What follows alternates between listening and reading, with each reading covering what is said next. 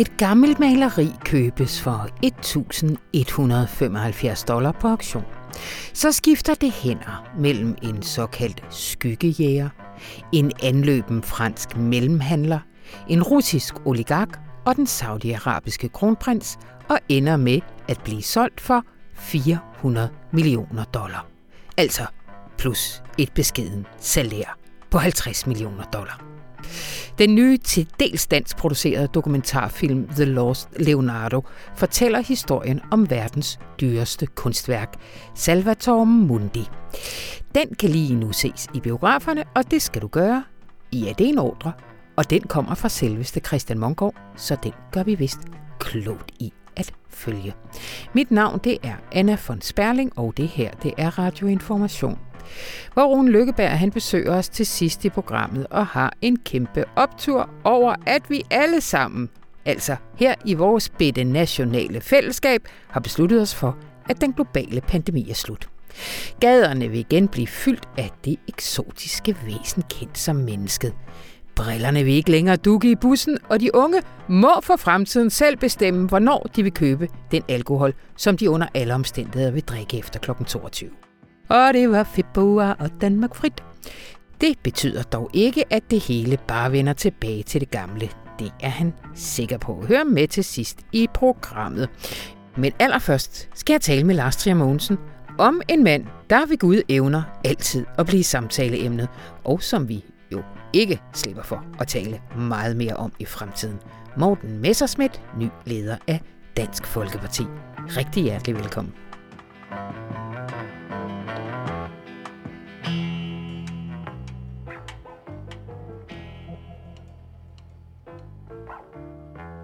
I søndags på det ekstraordinære årsmøde i Herning blev Morten Messerschmidt som bekendt valgt som ny leder af Dansk Folkeparti med lidt over 60 procent af de delegerede stemmer. Lars Mogensen, velkommen til. Tak skal du have. Du var deroppe. Hvad, hvad var det for en oplevelse? Jamen, det var jo øh, en meget intens stemning, der mm. var. Fordi allerede for morgenstunden, der ankom Christian Tulsendal, altså den afgående formand. Og han havde i hvert fald officielt fået corona og kunne derfor ikke opholde sig inde i selve kongressalen, men måtte sidde altså i aftægt, om man vil, øh, ude et andet sted i byen i Herning. Mm-hmm. Men han følte sig alligevel kaldet til at møde op foran journalisterne og komme med et ret bittert angreb, ikke mindst på Pia Kærsgaard, mm. altså XX-formanden. Og jeg skal lige love for, at hun hissede sig op. Jeg stod der udenfor og så dem komme først øh, Christian Soldal, og så kom Pia Kærsgaard. Hun var så olm og vred og arg over, at Christian Thulesen Dahl ligesom beskyldte hende og beskyldte Morten Messerschmidt for ligesom at ville opløse øh, partiet. Og, og, og for mig har der ikke været nogen tvivl om, at det her forløb, som jo på overfladen har været et opgør mellem Martin Henriksen og Morten Messerschmidt, i virkeligheden snarere har været et opgør mellem de to partistifter, ja. Pia Kærsgaard og Christian Tulendal, man skal jo huske, at de begge to var med i den firemandsgruppe, der brød ud af Fremskridspartiet tilbage i 95, og jo dermed ligesom i virkeligheden grundlagde Dansk Folkeparti sammen. Normalt er det Pia Kærsgaard, der omtales som partistifter, ja. men Christian Tulsendal har også været med hele vejen. Og jeg tror i virkeligheden, når spændingerne er blevet så voldsomme, så er det fordi, at Dansk Folkeparti i de 27 år, partiet har eksisteret, ikke rigtigt har været igennem et generationsopgør. Altså, ja. det er jo ligesom stifterne, der i virkeligheden så ligesom har haft magten.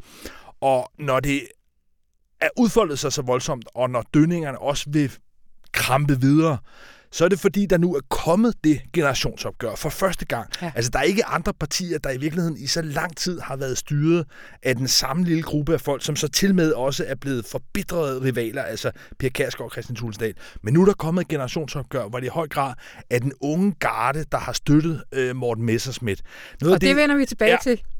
Fordi jeg vil godt lige øh, blive lidt... Øh, du skriver din analyse, at modstanden Standerne var simpelthen for svage. Altså, øh, var det Merete D. Larsen og, øh, og Martin Henriksens fortjeneste, at øh, Christian Tulsendals efterfølger nu hedder Morten Messerschmidt? Ja, altså, både og, fordi der var helt tydeligt en meget stor gruppe, som var anti Morten Messerschmidt, ja. som ikke har tillid til ham som person, fordi de oplever, at han ligesom har været øh, svigefuld i, i de rænkespil, der har kørt i Dansk Folkeparti, men jo selvfølgelig også har en enkelhed i forhold til den retssag, som ganske vist er blevet udskudt, men som jo kommer til at løbe af stablen her i løbet af 2022. Og, og derfor har han frygt for, at Morten Messerschmidt altså hverken ligesom kan skabe den øh, tillid og troværdighed internt, men altså også ligesom risikerer at blive kompromitteret ved at få en dom. Så der var en meget stor gruppe, som var anti-Morten Messerschmidt. Men de var tydeligvis ikke sådan meget pro hverken Marete D. Larsen eller pro øh, Martin Henriksen. Så på den måde var der ikke sådan jo rigtig tvivl om, om udfaldet, men det er jo så, jeg ved ikke, om det er at, at deres skyld. Altså, jeg, jeg ved ikke, om der havde været egentlig stærkere og bedre kandidater, som reelt ville kunne have udfordret øh, Morten Messerschmidt. Men det er i hvert fald tydeligt, at, at Mariette D. Larsen og Martin Henriksen formåede ikke ligesom at mobilisere mere og andet end det her anti-Morten Messersmith, og det var tydeligvis ikke stærkt nok. Altså, nu siger du, der har været den her kontinuitet fra Pia Kærsgaard og til Tusinddal. Altså, var der nogen af de to kandidater, der kom med noget nyt øh, til bordet? Altså, kunne partiet have gået i en ny retning med nogle af dem?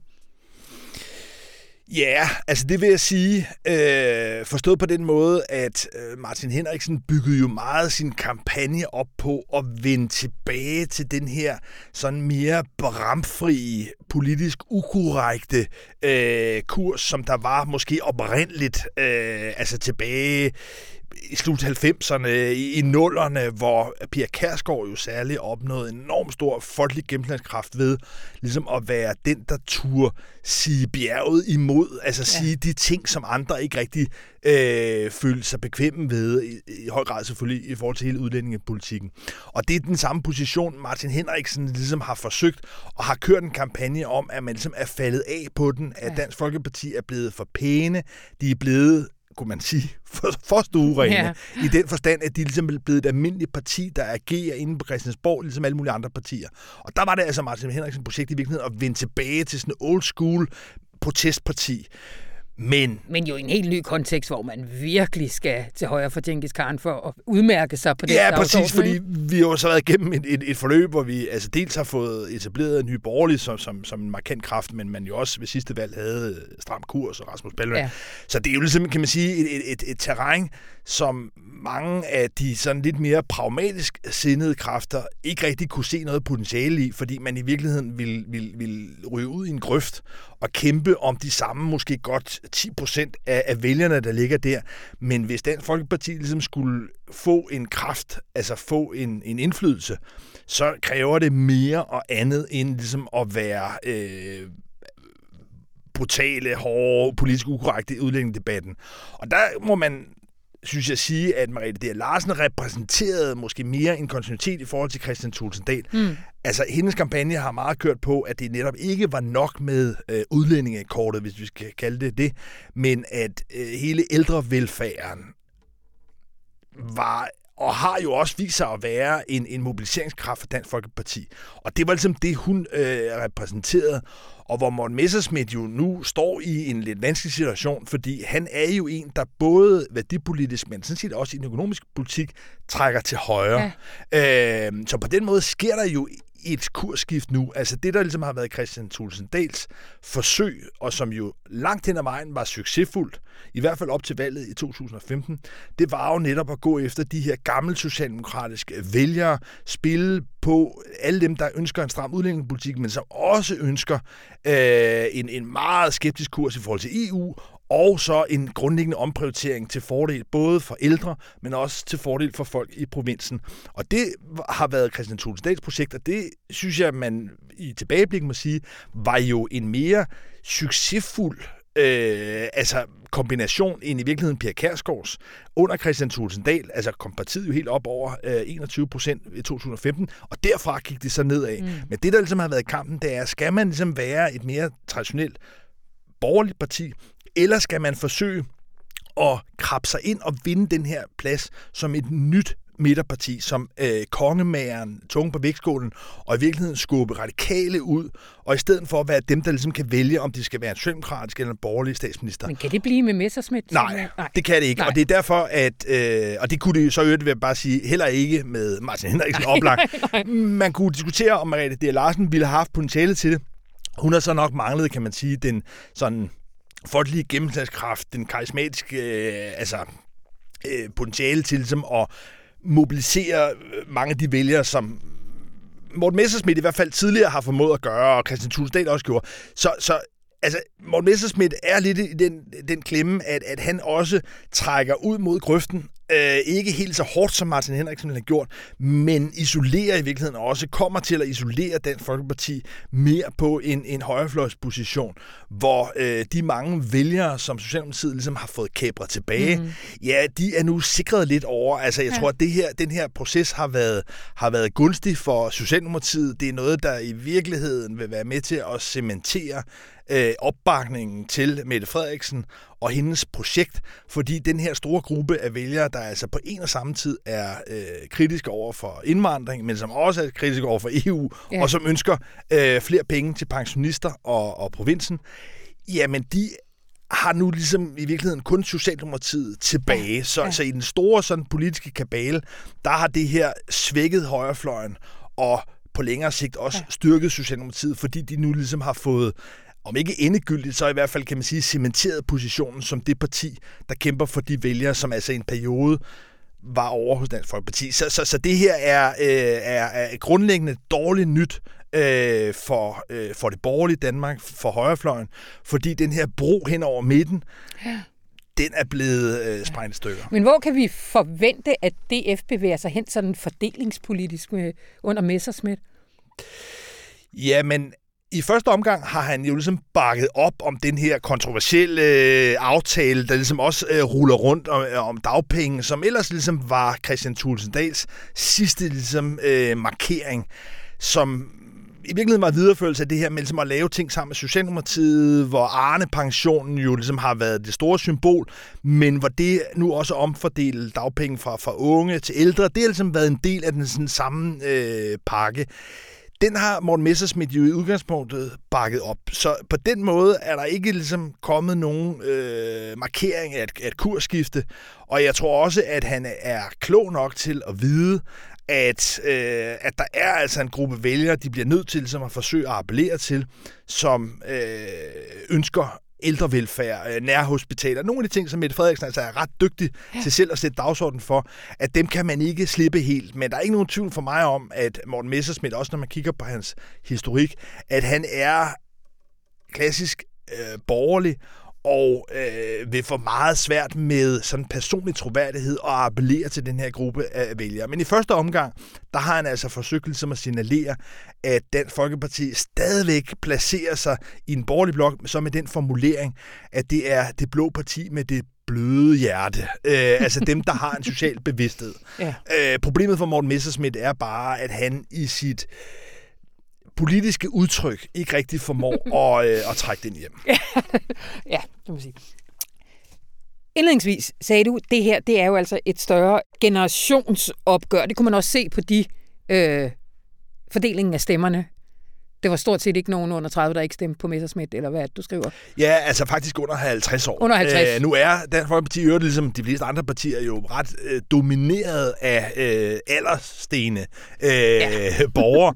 Og Dansk Folkeparti er absolut ikke nogen undtagelse. Der er i virkeligheden ikke vildt mange, der er øh, unge øh, eller bare yngre. Men dem, der var, og det er jo i høj grad dem, der er med i DFU, altså ja. Dansk Folkeparti Ungdom, de var alle sammen meget engagerede på Messersmiths hold. Ja. Altså, der blev vist identificeret to øh, Øh, under 50, som ikke støttede Morten Messerschmidt, og de kom begge to fra Stævns, altså øh, fra den øh, kommune, hvor Martin Henriksen sidder i, i byrådet.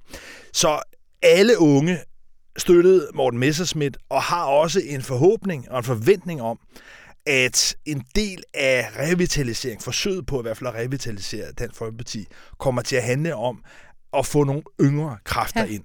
Og jeg tror også, at det opgør, vi lige nu ser i Dansk Folkeparti, hvor der er netop nogle af de midalderne, det kunne helt konkret være sådan en figur som øh, Bent Bøsted, deres beskæftigelsesordfører, det kunne være deres erhvervsordfører, Hans Christian Skiby, Liselotte Blix, der mm. er sundhedsordfører, men måske i også for så vidt med det, eller Marie Krav. Det er ja. nogle af de andre faktorer her. Ja. Men altså nogle af de her ret erfarne men altså også midalderne folketingsmedlemmer for Dansk Folkeparti, som har siddet der meget længe, og som nu mærker presset fra nogle unge, der gerne vil ind, der gerne vil have nogle øh, kredse, og det er jo nogle gange sådan i politik, det er jo ofte et øh, nulsumspil, og særligt en situation, hvor Dansk Folkeparti står til at øh, ryge endnu længere ned, altså blive mindre, står til at få en, en ny vælgerlusing.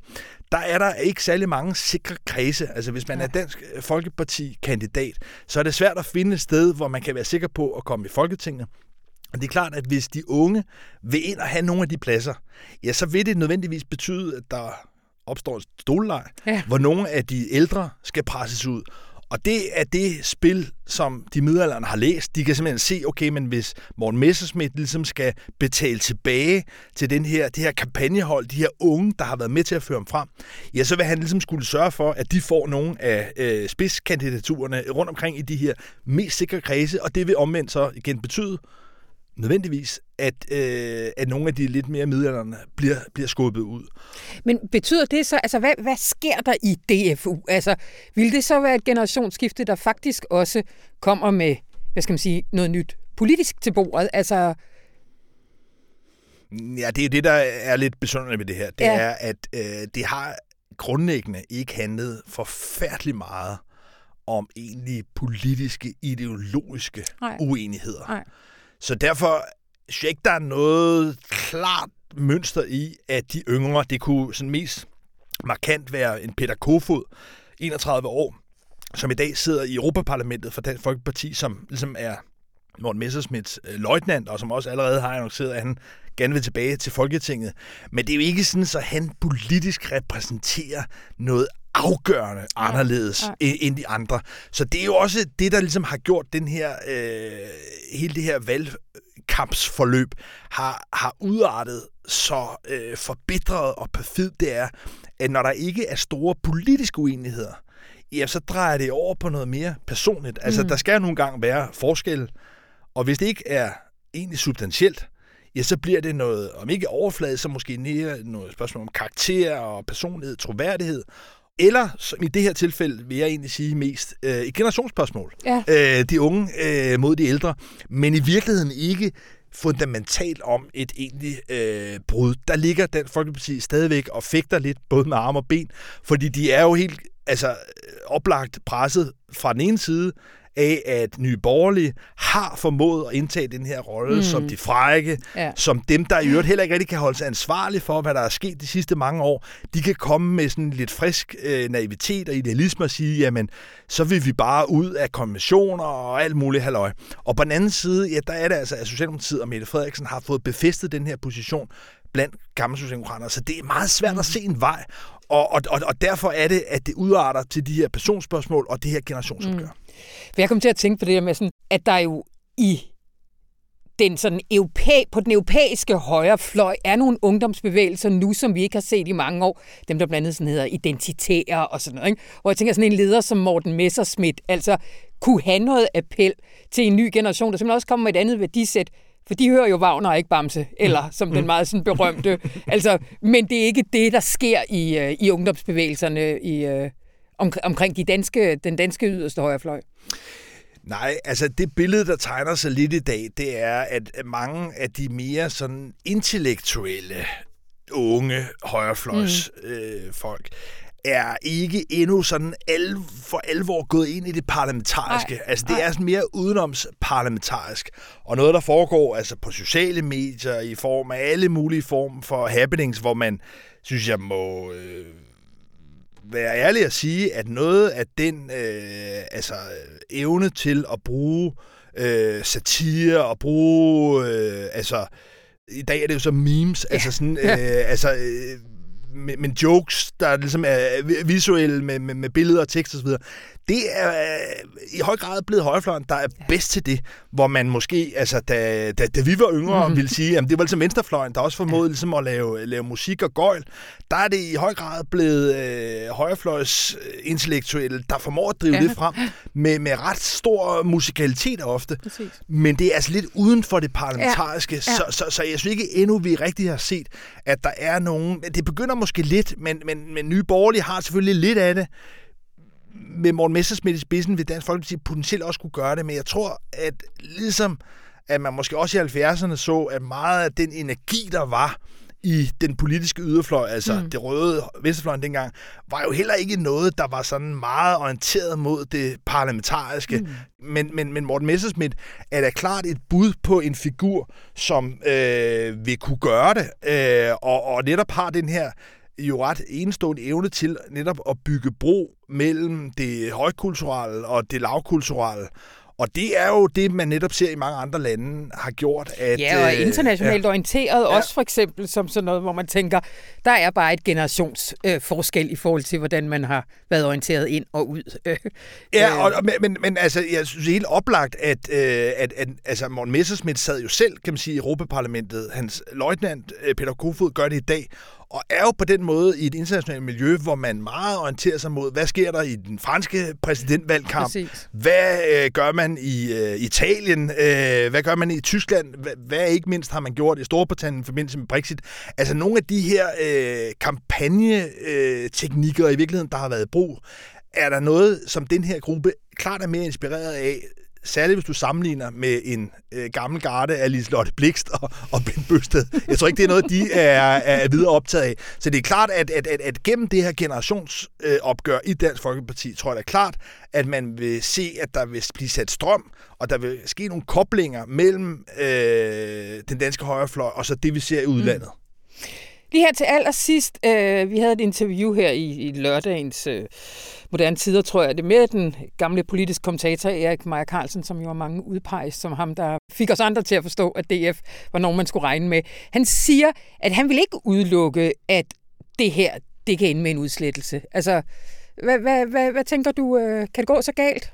Ja, det synes jeg oplagt godt, det kan. Ja. Øh, ikke forstået på den måde, at den position nødvendigvis forsvinder, men den kan jo blive overtaget, som vi har set, af nye borgerlige, og potentielt videre frem øh, andre partier. Ja. Her skal man nok ikke helt endnu udelukke muligheden for, at en Inger Støjberg vil kunne træde tilbage ind på scenen og måske mobilisere nogle af de lidt ældre i Dansk Folkeparti, som føler sig måske udstødt eller i hvert fald truet i Dansk Folkeparti, at, at det vil lykkes for Inger Støjberg at lave sådan et jysk folkeparti, som kan udfordre både nye borgerlige med høj grad Dansk Folkeparti. Så det er ikke fordi, at, at positionen, altså grundtonen i det politiske øh, farvespektrum vil forsvinde, men Dansk Folkeparti som, øh, som projekt, som bevægelse, som organisation, ja, den har altså en stor risiko for at forvidre, fordi hvis det ikke lykkes for Morten Messerschmidt at fastholde nogle af de ældre, hvis han ikke formår at få de her, det her nye gruppe af unge intellektuelle ind rigtigt i partiet,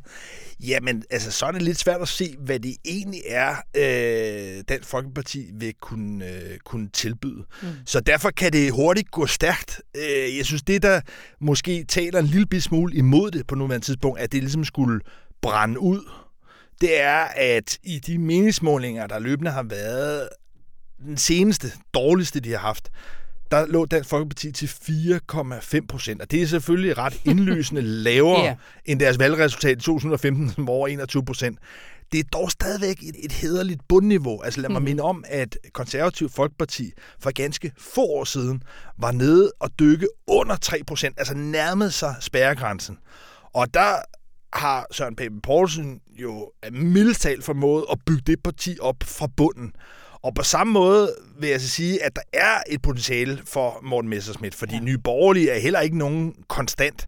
Det er meget personafhængigt af Pernille Vermund. Det kan også meget hurtigt altså, ligesom gå op i, i limningen. Så det er klart, der er vælgere derfra.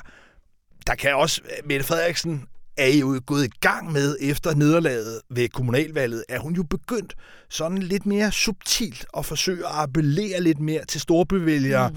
begynder lidt at øh, spille lidt mere på en finkulturel øh, dagsorden. I hvert fald give udtryk for, at hun øh, er meget hun optaget læser af... Lykkeberg. ja, præcis. Hvor hun sidder med, med samtaler øh, Shakespeare. Og, og, og det er klart, at, at, at, at det, kan man sige, strategiskifte, måske subtile strategiskifte, Mette Frederiksen er i gang med. Det kan også godt betyde, at der selvfølgelig kan være nogle, nogle, et, et tilbageløb til den Folkeparti. Så jeg synes, med, med, med et bundniveau på, på 4,5 procent, en Morten Messerschmidt, som jo har vist altså helt spektakulært ved Europaparlamentsvalget i 2014, hvor han fik altså jo øh, over 460.000 personlige stemmer, at han har jo en evne til, hvis dagsordenen er rigtig, hvis timing er rigtig, hvis han er i stødet, til at øh, altså kunne øh, tælle trusserne af, af, af, af rigtig mange. Ja. Ikke? Så, så, så jeg synes, det vil være absurd ligesom, at afskrive det, men det er klart, at at Dansk Folkeparti har i det her forløb afsløret sig som noget, der ikke er en, nødvendigvis en blivende kraft. Det er blevet meget personafhængigt. Mm. Og, og, og der øh, har jeg svært ved i hvert fald endnu at se, hvad er det, Morten Messerschmidt afgørende, originalt, nyt bidrager med, der kan give ikke mindst de folk, der er allerede Dansk Folkeparti, en tro på, at det kan lade sig gøre. Fordi hvis det ikke er sådan, at de unge og de ældre, og hvem der nu måtte være, ligesom selv begynder at tro på det, ja, så er det ligesom den opgivende stemning, sætter ind, og hvor både Nye Borgerlige, men altså muligvis også Inger Støjberg, ligesom får en, en, en, en, en, en virkelig gunstig rekrutteringsbase for mm. Dansk Folkeparti. Mm. Altså mellem, øh, mellem dig og mig og Radioinformation, 26.000 lytter, ikke? så Altså, jeg har altid haft det sådan, når Messersmith han talte, så har jeg lige stoppet op og lyttet. Altså, på en helt anden måde end nogen andre for det parti eller på den fløj, er jeg øh, fascineret. Altså, ja. at, at, det, at det er bare noget nyt, synes jeg. Eller, eller hvad er det? Øh, sæt ord på det, jeg føler, Lars Trier Nej, men det er jo ikke øh, i sig selv noget sådan enestående nyt. Altså, han har jo nok noget af den sådan samme flamboyante karakter, som en Måns Glistrup i sin tid havde. Altså ja. som en person, som er stand... Det er så trods alt lidt før min tid. Ja, ja, ja og ja. for så vidt også ja. øh, min tid. Men, øh, men, men hvor Måns Glistrup jo ligesom havde evnen til ligesom at tale altså parnasset sprog, hvis vi kan ja, sige. Altså ja. han kunne ligesom altså, begå sig øh, på de bonede gulve, men var også i stand til ligesom at udstille og, og altså øh, magthaverne og stille sig i den her outsider-position, som jo er en, en, en rolle, vi også jo altså sådan endnu mere øh, altså sprængkraftigt har set med en Donald Trump, mm. der øh, jo har haft den her dobbeltrolle af at være en, der ligesom øh, stod som en øh, magtfuld, en øh, altså enormt mange muligheder i kraft af rigdom osv., men samtidig også ligesom kunne forbinde til et, et, til et folkedyb, som øh, var imponeret af ham. Mm. Og jeg vil sige, hvis man skal sammenligne med en mere nutidig figur, som jo også har støttet Morten Messerschmidt, så er det Nigel Farage, ja. øh, som har været en drivkraft for øh, Brexit, og som øh, har den samme, den her øh, sådan lidt pseudo-aristokratiske øh, fremtoning, som jeg tror har enormt stor appel øh, til altså folk, der måske selv har svært ved at begå sig mm. i det fine kulturelle. Ja, ja, ja. Øhm, og det tror jeg, altså... At, at så en modsætning bryd... behøver ikke at være der, at fordi... Altså, det er jo det, man taler meget om med Messersmith. Er han for fin kulturel, når alt kommer til alt? Nej, det er hans store styrke. Altså, det det. der er ikke nogen tvivl om, at uh, hans, hans, hans evne til ligesom, og, og netop forbinde øh, det høje og det lave. Og, altså, det er det, der ligesom giver en attraktion. Det er det, der ligesom gør ham øh, larger mm. than life, i mm. hvert fald for mange af de vælgere, han appellerer ja. til. Men at han samtidig også ligesom kan fænge netop øh, opmærksomheden blandt øh, meningsdannere og mm. øh, folk, der ellers altså, kan man sige, gør sig i, i de kulturelle, kreative øh, klasser. Ja. Det er øh, hans, hans helt store styrke, og det, der gør at han ligesom kan placere den Folkeparti i kraft alene af sin udstråling. Ja. Men det er det, der gør, at, øh, at jeg trods alt ser, at det er for tidligt at gøre som Erik Maja Carlsen ja. og, øh, og skrive nekrologen over den Folkeparti. Fordi Morten Messersmith, hvis der er nogen, der kan, så er det ham. Det bliver sidste ord. Tusind tak, Lars Tjermonsen. Og Lars, ved du hvad, nu nævnte du lige, øh, hvad hedder det, øh, de konservative. Du må komme her ind snart og fortælle mig og lytterne, hvad fanden det er, der gør, ja. at vi lige pludselig skal se dem som, øh, ja. som en, øh, en ny magtfaktor ja. i dansk politik. Ja. Lover du det? Ja. Godt. Men det bliver en gang. Godt.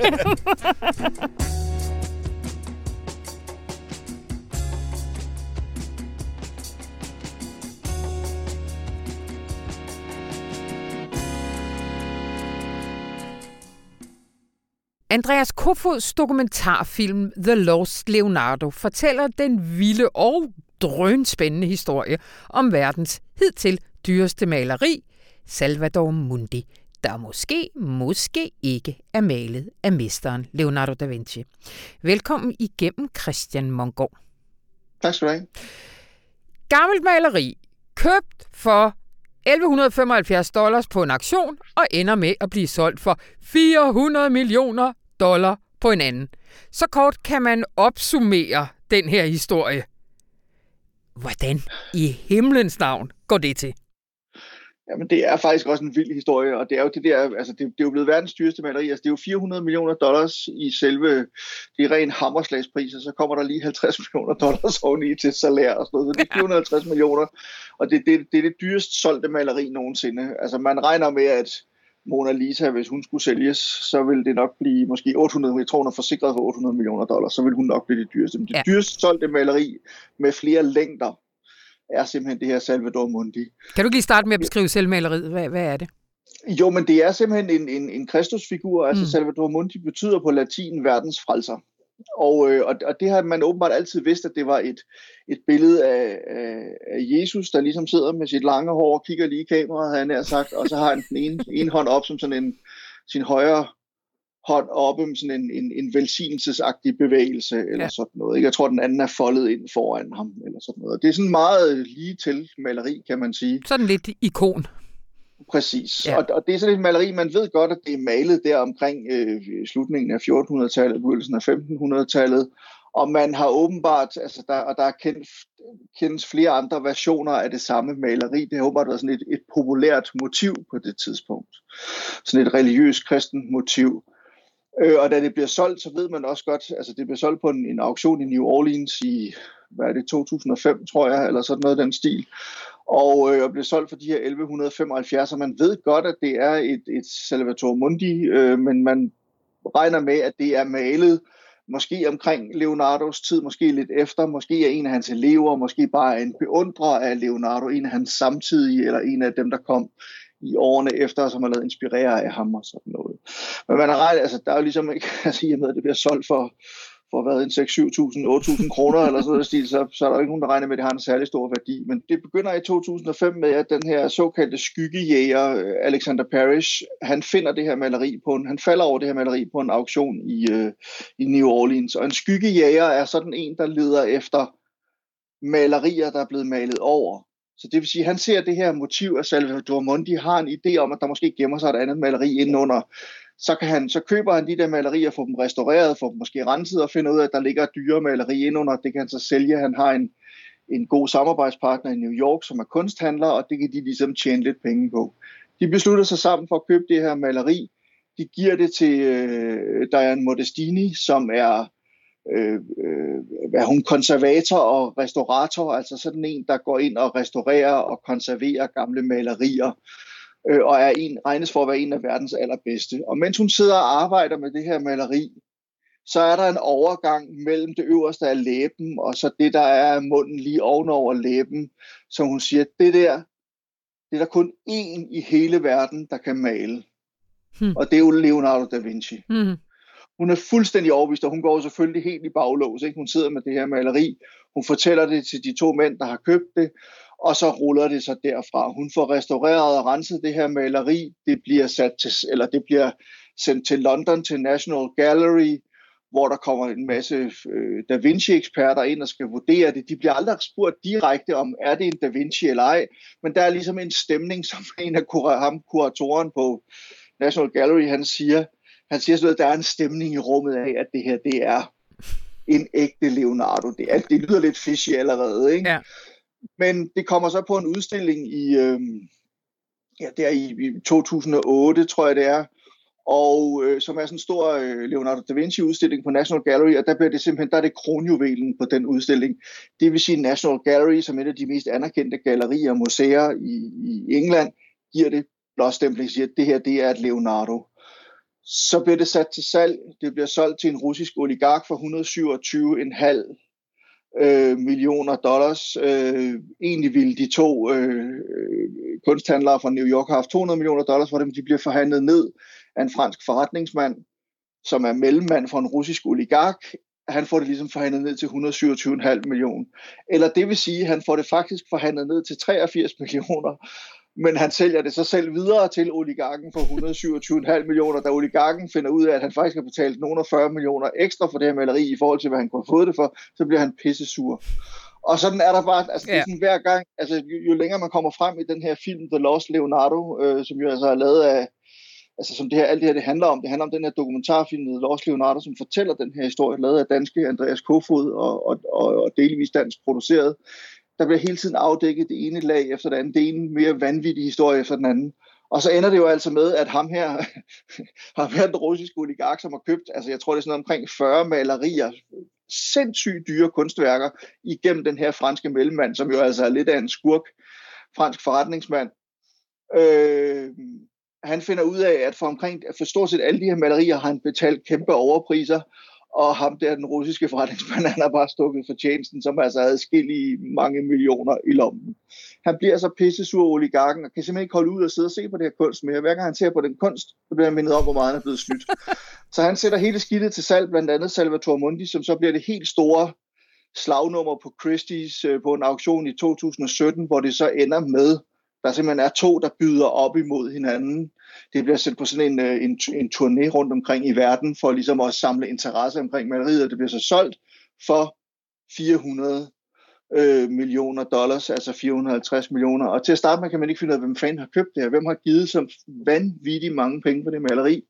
Man finder ud af, at det er den saudiarabiske kronprins. Mm. Øh, som jo ikke ligefrem er, er verdens mest elskede øh, mand på nogen som helst måde. Han har jo masser af lige i lasten og helt bogstaveligste forstand. Mm. Og, øh, og det, det så åbenbart handler om for ham, mere end det måske handler om, om, om det her som kunstværk, det er, at det handler om politisk, øh, kulturel kapital. Han har brug for noget, han kan handle med i forhold til omverdens syn på Saudi-Arabien som nation.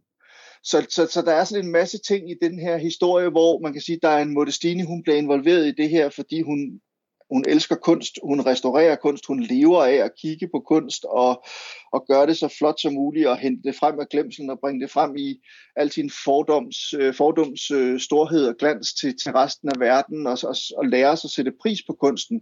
Og lige pludselig så kommer der alle de her andre grimme mennesker ind over, som på en eller anden måde tager hele fornøjelsen og, glæden ved kunsten, mm. kan man sige, fra hende, men også fra resten af verden, fordi der er ikke nogen, der har set det her skide maleri, siden det blev solgt. Altså det har været forsvundet, det skulle have været udstillet i Louvre, der var i sådan kæmpe, igen 2018 tror jeg det var, øh, stor, kæmpestor Da Vinci-udstilling på Louvre, Louvre, hvor Mona Lisa jo hænger. Nu skulle, fik Mona Lisa jo simpelthen selskab af Salvatore Mundi, og da udstillingen så åbner, så er der bare en tom plads der, hvor øh, Salvatore Mundi skulle have hængt. Man kunne altså ikke blive enige med, med kronprinsen i Saudi-Arabien om at få lov til at låne maleriet. Så der er sådan, altså, det, det er en vanvittig historie. Ja. Og en vanvittig historie, som så også handler om netop det, du siger, at kunst, øh, kunstverdenen i dag handler om alt muligt andet end kunst.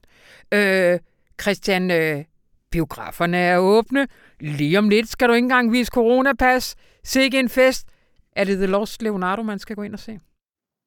Det synes jeg helt bestemt, det er, Anna. Det er en, øh, det er en dokumentarfilm, ja, men det er også en spændingsfilm, det er en krimi, det er en, øh, det er en thriller, det er en film, som på en eller anden måde trækker bukserne af netop, som du også selv var lidt inde på, det her med den internationale kunstverden, at det ikke kun handler om kunsten, det handler ikke kun om at sætte pris på skønheden og alt det smukke, det handler i virkeligheden også om, om svindel og bedrag, om at gemme sine penge for myndighederne og tage røven på alle de andre. Og der er så mange lag i den, og hele tiden for hver, altså hver 10. minut eller et eller andet i den her film, jamen så bliver der ligesom fortalt noget nyt, eller løftet sløret for et nyt bedrag, eller et eller andet, og, og, og, og den er virkelig godt skruet sammen af Andreas Kofod og det her store team, han har haft omkring sig, og de snakker med, de snakker med virkelig mange forskellige mennesker, CIA-agenter, FBI-agenter, øh, øh, kunstkritikere, alle de involverede selvfølgelig, lige på nær oligarken og kronprinsen melder sig stort set alle andre med, og sådan noget. Det er altså virkelig, virkelig fascinerende og elementært spændende. Det er det. Og så er det dansk dokumentar. Simpelthen. Og det er vi nogle af de bedste til i hele verden, så det skal man bare støtte. Også det. Tusind tak, Christian Mongård. Selv tak.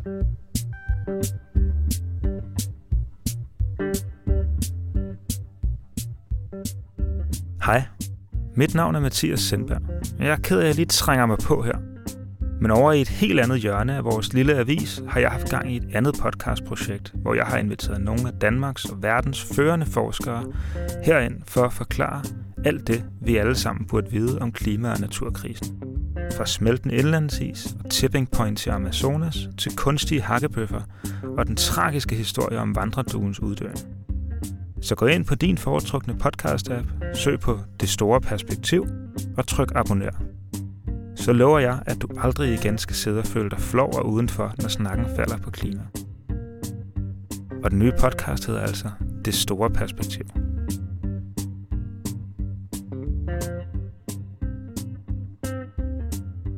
Hej Rune. Hej Anna. Jeg har sådan i disse dage sådan en fornemmelse af at være midt i sådan en historisk begivenhed, som jeg så bare ikke helt kan mærke selv. Danmark er ikke alene åbnet, det var det, man sagde sidste sommer. Mm. Danmark er, hvad, hvad kalder vi det? Øh, hvil- hvilke ord bruger vi for det? Vi har besluttet, at pandemien nu er slut. Ja, vi har besluttet os for at flytte hjemmefra. Vi Ja. har besluttet os for, at nu har vi ikke brug for Søren og Mette til at fortælle os, hvad vi skal gøre længere. Ej. At, og det er ikke, fordi vi er blevet raske.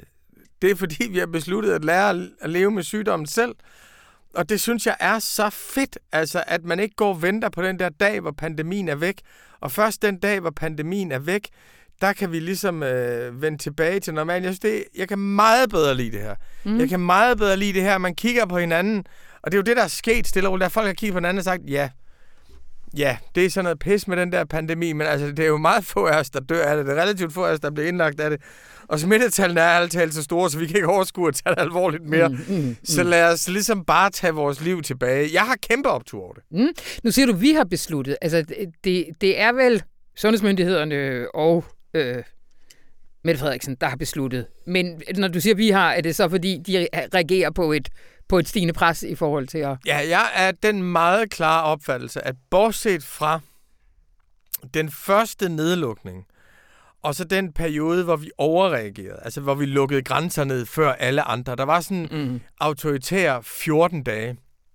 Og så selvfølgelig bortset fra den der fuldstændigt vanvittige måde, som hele minkerværet blev smadret på, og så videre, så videre, så videre.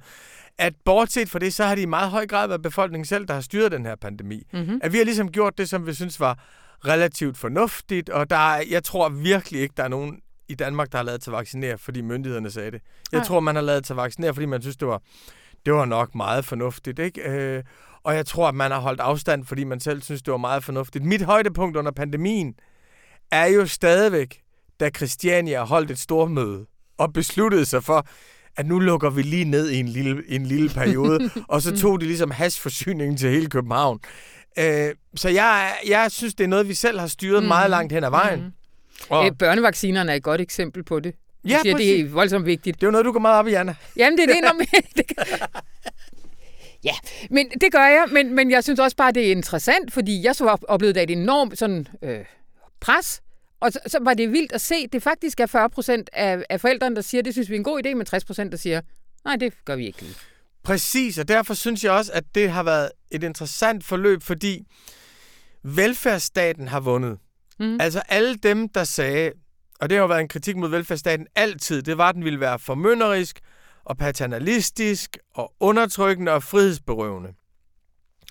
Jeg har svært ved at se stater, der har været mindre paternalistiske og mindre formynderiske og mindre frihedsberøvende, end den danske velfærdsstat har. Mm. Hvis du tager det hele med, den Mm. økonomi, vi kommer ud med på den anden side, vores trepartsaftale, vores måde selv at drage ansvar for os selv på. Vi har jo ikke haft udgangsforbud. Mm. Vi har ikke haft nogen af de der autoritære restriktioner, som de har haft i Storbritannien, som i perioder, som de har haft i Frankrig, som de har haft i, i Tyskland. Vi har faktisk haft mindre brug for autoritær magt, Mm. end næsten alle andre samfundsmodeller har. Så velfærdsstaten, synes jeg, har vundet, som Lars Larsen skrev i en leder, tag den ultraliberalister. Men på den anden side, synes jeg, statsministeren har tabt. Mm. Fordi den der drøm om den store leder, det der autoritære moment, det der med, det er mig, der siger, hvad I må, og det er mig, der fortæller jer, det var der en bølge over i starten, men det er jo derfor, hun ikke er populær længere. Ja. Ja. Det er jo derfor, folk er dødtrætte. Det er jo derfor, at folk er dødtrætte af hende. Så jeg synes, at øh, jeg synes, Shubidua Danmark har sejret igen. Shubidua Danmark vil ikke, vil ikke regere sig en autoritær statsminister. Mm. Shubidua Danmark vil bestemme selv. Men institutionerne står intakte tilbage.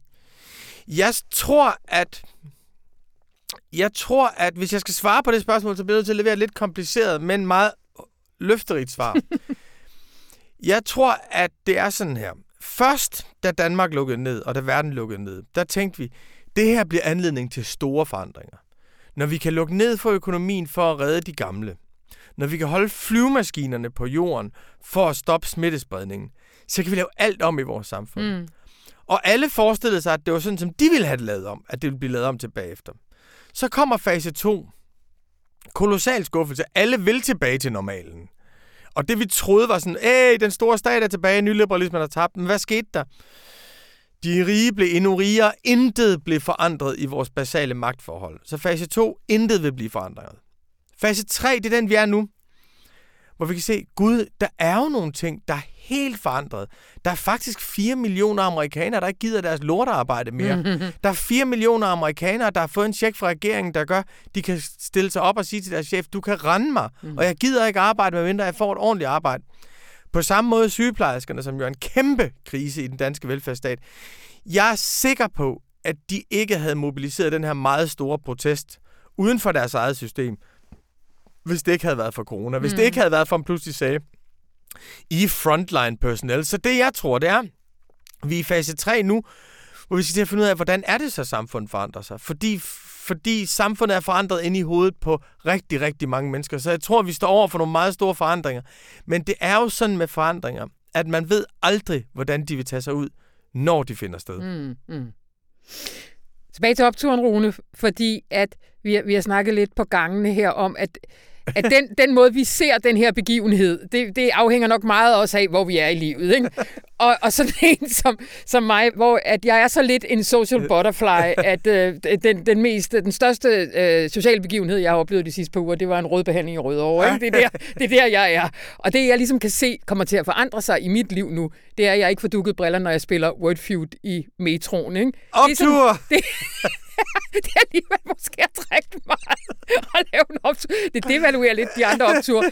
Men, men du har været sådan, ja, Jamen, altså, hvad, hvad, hvad... Og det er jo fordi, jeg går til teknofester, jeg går på, na- jeg går på, jeg går på natklubber, jeg spiller squash, jeg er med i en volleyballforening og sådan noget. Nej, det skyldes jo ikke så meget mit eget sociale liv. Jamen, jeg savner da. Jeg bor også på Vesterbro og ja. bor inde i byen og cykler frem og tilbage gennem byen. Jeg savner fornemmelsen af det der store monster, som en levende by er. Jeg savner, at når jeg, jeg var i biografen i går og så The Tragedy of Macbeth, og jeg synes, det var frygteligt at gå hjem gennem Nørrebro og at der ikke var nogen mennesker. Jeg savner det der med, at der er mange mennesker mm. ude i mm. blandt hinanden.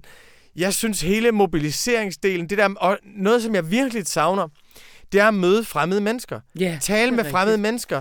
Stå ved et busstoppested med fremmede mennesker. Stå i kø et eller andet sted med, med fremmede mennesker. Hele den der sådan, øhm, udveksling, der var med til at civilisere en hele tiden. Jeg har kæmpe optur over, at det hele åbner op igen kæmpe optur. Og så vil jeg sige en ting, som jeg synes har været røvsygt ved nedlukningen, og som jeg ingen personlig interesse har i, for jeg har jo ikke rørt alkohol i 14 år. Men der, jeg synes simpelthen, det har været så utroligt nedtur, at folk ikke måtte købe alkohol efter klokken 10 om aftenen. Jeg synes, det er så Totalt, men helt seriøst. De lukker natklubber, og de lukker diskoteker og techno raves. Det er jo kæmpe omkostning for dig og mig. Men man så siger, og i øvrigt, så skal man huske at købe sin alkohol inden kl. 22, hvis man vil sidde hjemme med nogen. Yeah. Hele den der fornemmelse af, at nu må I skulle administrere det selv. Jamen, jeg er kæmpe optur. Okay, optur. optur.